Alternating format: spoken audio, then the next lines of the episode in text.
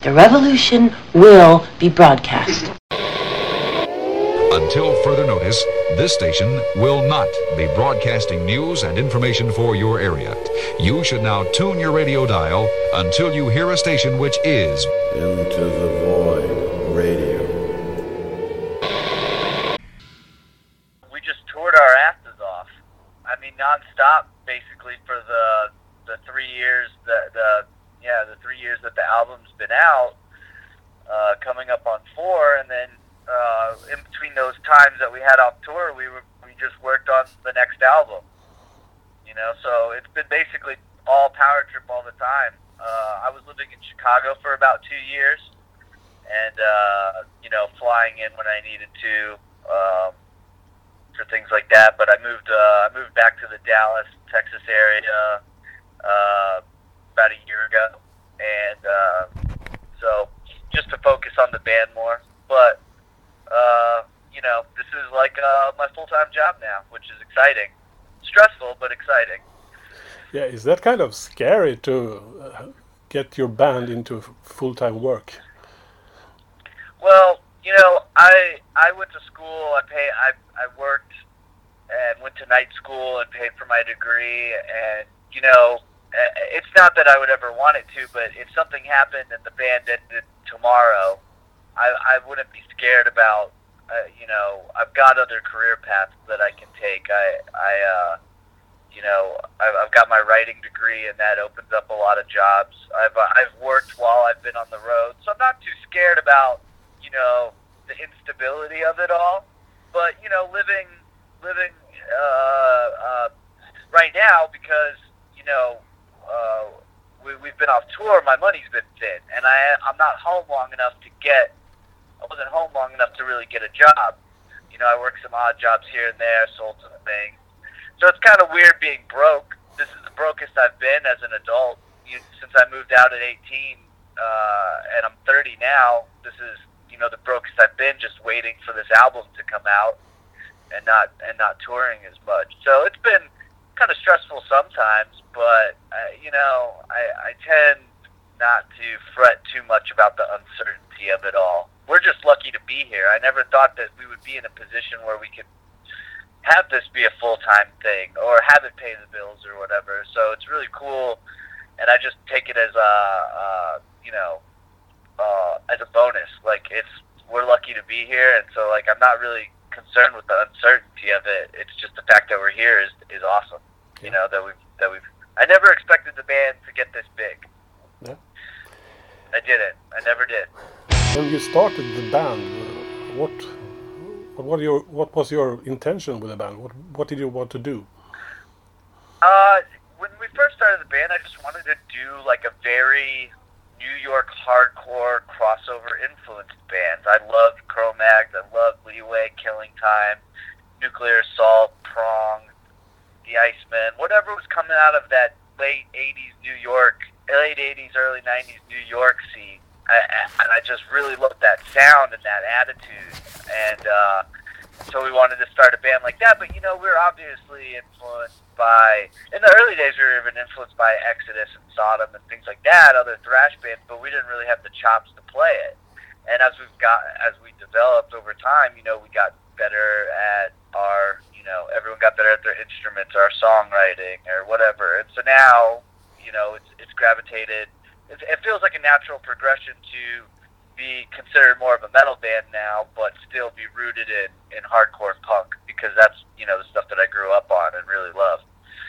But uh, when the band initially started, we basically just wanted to kind of sound like Leeway, Cro-Mags, Killing Time, stuff like that. Is that the music you listened to growing up? Uh, I, well, you know, I I I started the band when I was 22, uh, and so I've been, you know, I had been into underground music for plenty of years, and then, but you know, when I first started, I had a, uh, I guess what was my gateway into, you know, aggressive underground music is I had a cousin who lived in uh, Southern California, and so he was into a lot of the like uh, uh, skate punk bands and some of like the the uh, Fat Wreck stuff. So he showed me bands like um, Strung Out, like NOFX and stuff like that. And I was probably like 14 at the time, and so I I loved it. It was crazy. And I also had uh, you know a friend who had an older brother when I was younger who was a metalhead. So I had heard you know some more obscure metal band. Well, not obscure, I guess, but uh, you know like outside of like Metallica Slayer Megadeth, you know, the guy showed me like Napalm Death and Sepultura, and then I had friends in high school that just because we listened to weird music, there was like a goth guy who showed me I Hate God and things like that.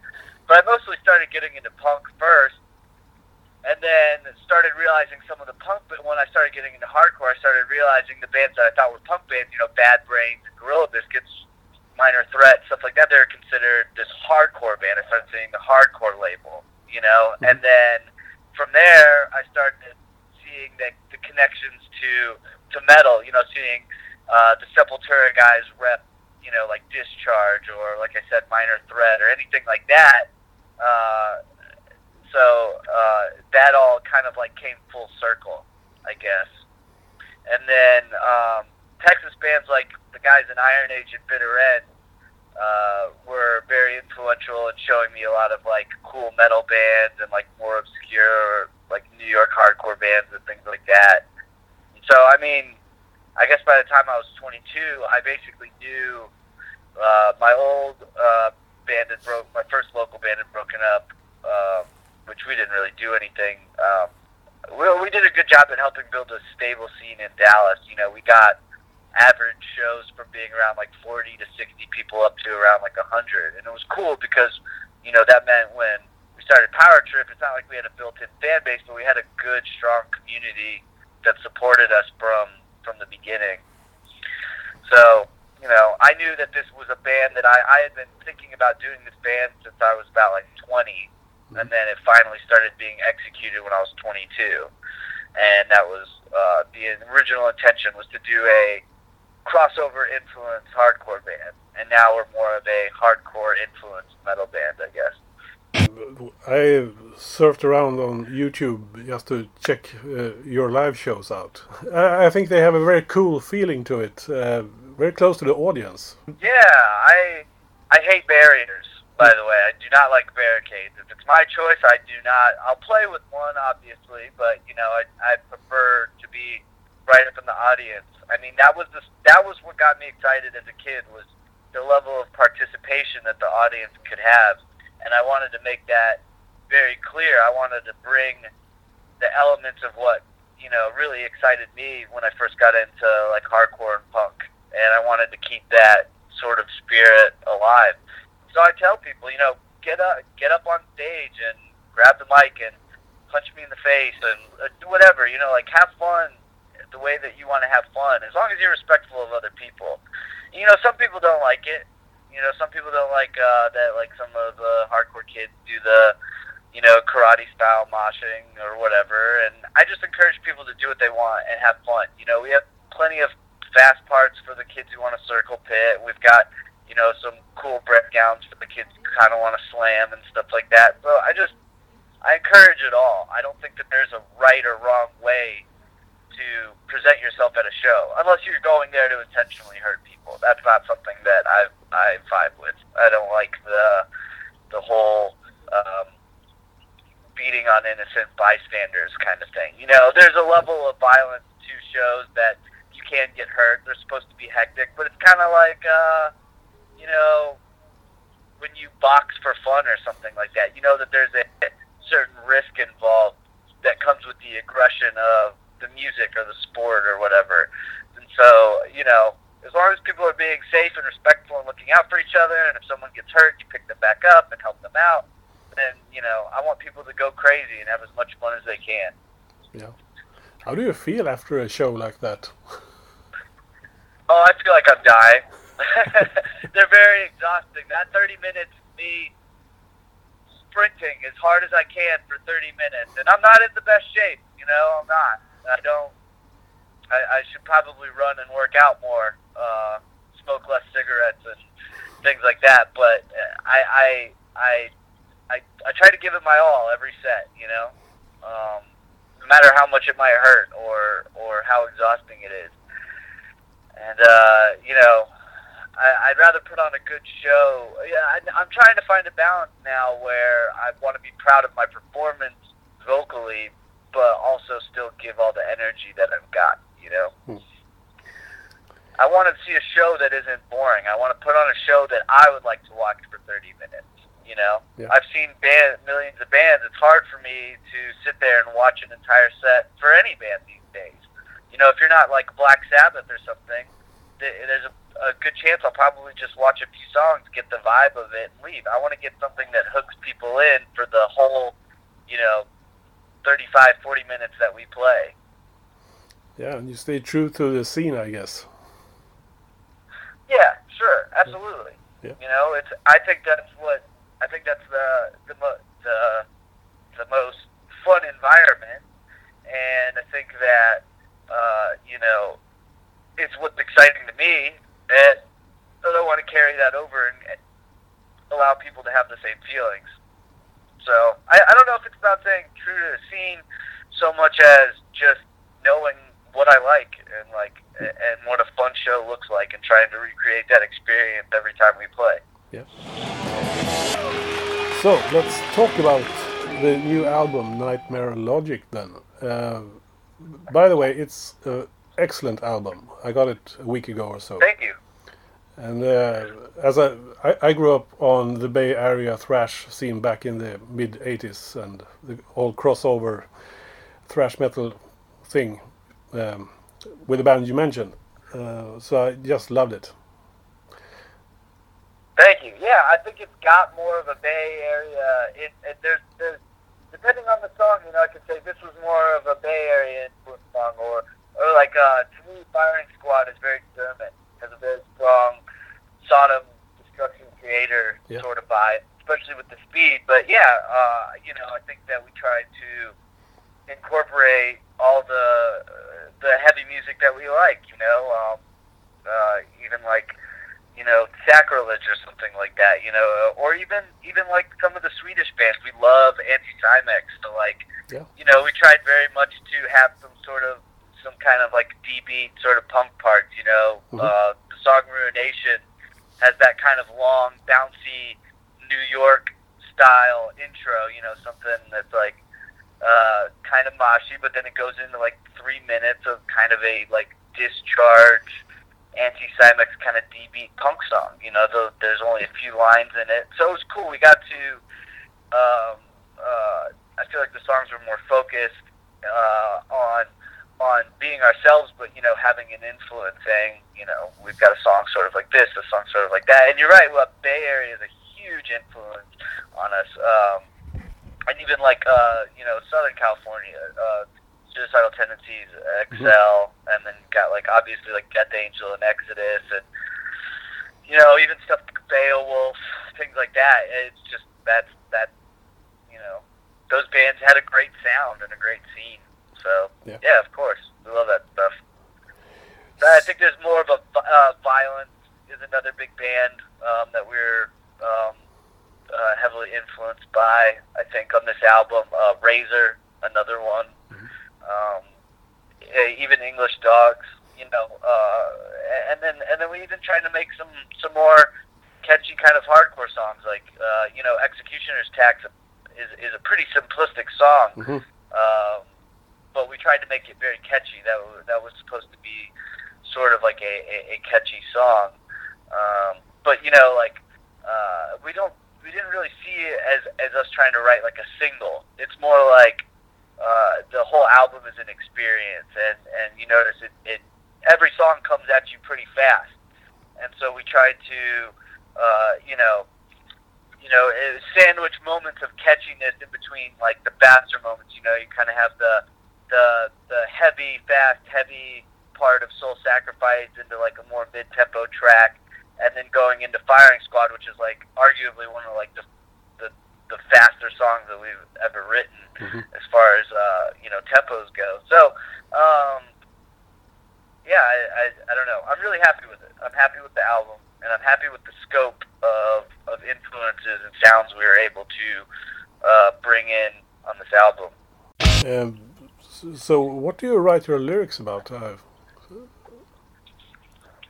Oh, I, you know, it's it's it's current events, um, and, and you know a lot of uh, my feelings towards them, and, and and how I think we should react as people. You know, um, uh, Nightmare Logic is essentially about um, you know.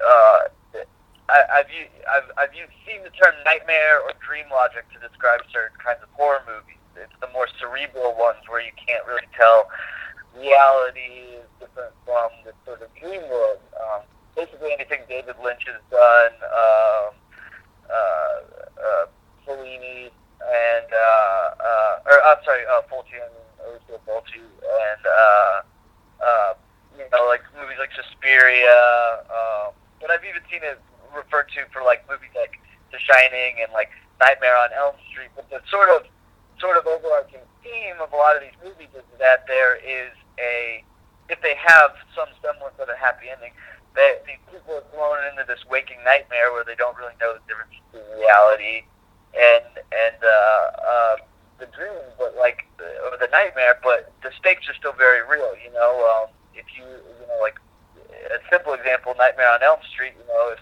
if Freddy Krueger kills you in in, in the dream, you're you're dead in real life. You know, so and but in these movies, people sort of develop this this also this nightmare logic to fight back. They find ways to sort of defeat the enemy using the terms of their world against them. So, um, you know, I sort of explained we're, we live in this very oppressive society. You know, um, I, I think uh, uh, I, I don't think people have as much freedom as they believe that they do.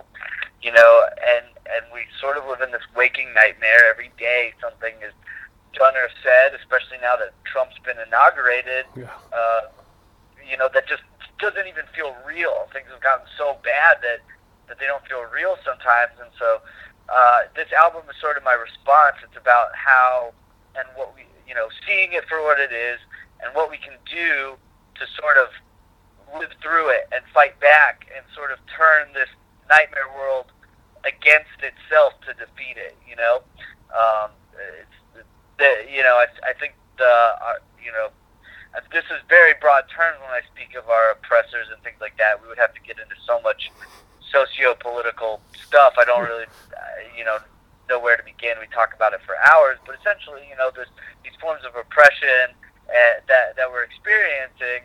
Um, they've sort of created these people in charge have kind of created a monster, and I don't think they know it yet. I think they, I think people are angry and they're ready to uh, get out in the streets and actually fight back. And and uh, that's sort of what this album is about: is developing that willpower to get up and fight back. That's why, you know, uh, if not us, then who is is is a song about you know we're not going to be saved. We have to save ourselves if we want to make this world a better place. You better start in your community, or you know, it, it's it's if if if we're not going to do it, who is? We can't wait around for second fucking coming of Christ that's never coming, you know, and uh, things like that. So, you know, waiting around to die is another one, um, and that's sort of more about fighting back against addiction. You know, I took that from the Townes Van Zandt song, so like a very famous country song, "Waiting Around to Die," and it's basically about this this guy who gets hooked on codeine and says it's the it's the best girl he's ever seen, and he he's ready to just wait around and die and just do drugs and and, and make it numb and you know check out. And so, uh, waiting around to die is my more around my response. If it's like you're waiting around to die, and I can't really stand it. I'm not going to let you do that. You know, if I gotta if I gotta pull you out of the gutter, and uh, you you have to be willing to help yourself. But you know, if you're ready to get pulled out of the gutter, I'm here for you. I'll help you out too. So yeah, there's a lot of themes about it, but it's a broad scope, and I think I did that so that people can maybe relate it to other aspects that I didn't see coming. You know, I want people to maybe they feel bad about their job or work situation. I tried to write something that was that was like, look, shit's bad. We know it's bad, but you know, we we can fix this. And mm-hmm. so that's sort of what the overarching theme of the album is about. I would say, sort of pointing out, dissecting that hypocrisy or or what's wrong with the world or whatever, and then also giving um, some like uh, uh, uh, you know moments of hope that we can you know tackle this thing and we can conquer this bullshit that we're experiencing. Packing your bags and heading out on the road. Uh, yeah, we leave on uh, the 24th um, of February, and we do um, about three weeks on the East Coast and Midwest with Iron Reagan, uh, good friends of ours, and then we've got a bunch of great different support bands, um, punk bands, metal bands. It's very diverse. Uh, and then we come home for a few days in mid-March, and then we leave again and do the second leg of the tour.